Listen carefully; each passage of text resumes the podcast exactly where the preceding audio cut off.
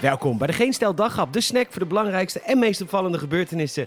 Je verwacht het niet van vandaag, maar natuurlijk met een knipoog met vandaag. Oranje is van ons allemaal, Prins Bernhard ook en Reekalfjes ook. Mijn naam is Peter Bouwman, dit is het nieuws van donderdag 10 juni.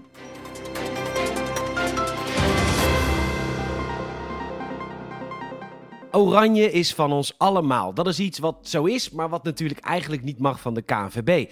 Die zijn nu boos op de reclamespot van Jumbo met de snollebollekes. Waarom? Omdat het lijkt dat de supermarkt betrokken is bij het toernooi en het Nederlands elftal. Waarom vinden ze dat? Omdat er heel veel oranje wordt gebruikt en er wordt gedanst en er zijn straten oranje en dat mag niet. En de KNVB heeft zelfs het gore lef om te zeggen dat het nummer links-rechts, wat in de reclame te horen is, het lijflied is van de voetbalvrouwen, omdat het tijdens hun EK van 2017 vaak werd gedraaid. Nou, even KNVB, het nummer links-rechts, wat ons betreft een nominatie voor Nederlands erfgoed waard, is van Rob Kemps van de Snollebollekes. En deze zanger is meer oranje dan de KNVB ooit zal zijn. Hebben jullie hem een fix bedrag betaald toen de voetbalvrouwen er met het lied vandoor gingen in 2017? Ik dacht het even niet. En waarom niet? We hebben allemaal een kutjaar gehad. En jullie denken alleen maar aan imago en aan commercie en je eigen zakelijke vervelende bubbel. Oranje is van ons allemaal en niet van Jumbo, Lidl, Albert Heijn, KVB of de Zaanse Oranje Vereniging.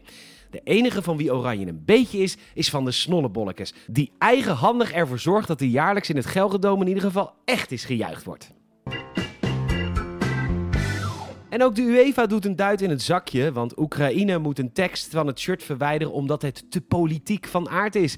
En de tekst is inderdaad zo heftig dat het sowieso aan de binnenkant van het shirt stond. Er staat namelijk glorie aan onze helden. Mijn god, het is alsof ik een holocaustontkenning zie. Wat heftig. Ja, Rusland had natuurlijk aan de bel getrokken, want die vonden dit een politiek statement.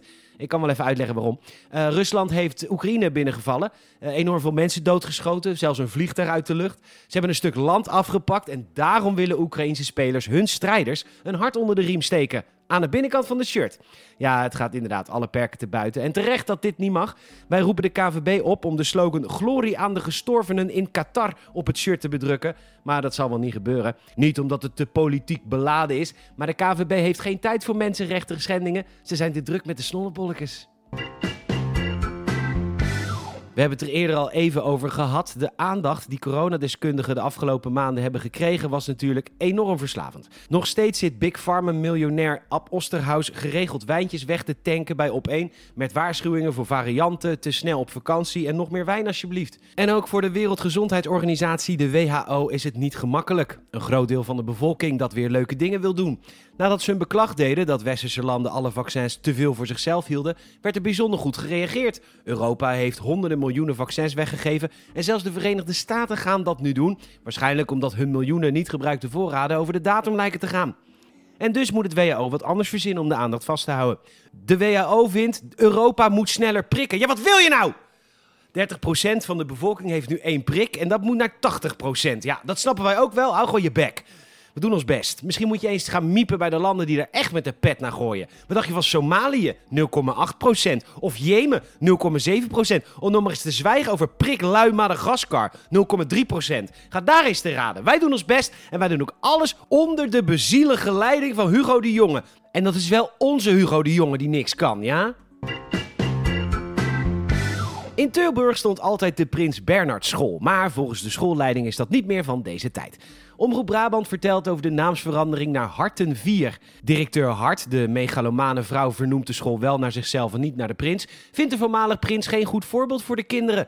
Prima, dan leer je de kinderen toch niet hoe je op olifanten moet schieten, hoe je jezelf omhoog naait om toch een fatsoenlijk inkomen te genereren. Dan leer je de kinderen toch niet dat vreemdgaan gewoon onderdeel is van het leven. En dat kunnen ze maar beter nu beseffen, want anders worden dat straks grote trauma's als man of vrouwenlief alles wat een hartslag heeft in tweeën zaagt. Dan leren ze niet over en de voordelen daarvan. Dat de wereld nou eenmaal draait om wie je kent en wie je aardig vindt. Lekker weerbaar maken die kids. De toekomst lacht ons tegemoet.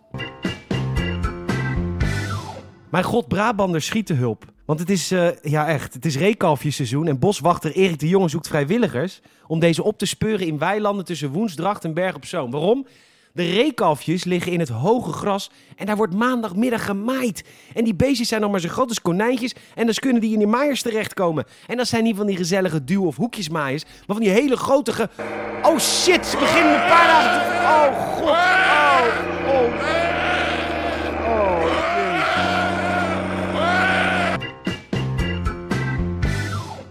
Bedankt voor het luisteren en je zelfs enorm helpen. Als je een vriend of vriendin vertelt over deze podcast, ook een Apple Podcast review zouden we enorm waarderen. Komen wij hoger in al die lijstjes. Nogmaals bedankt. Tot morgen.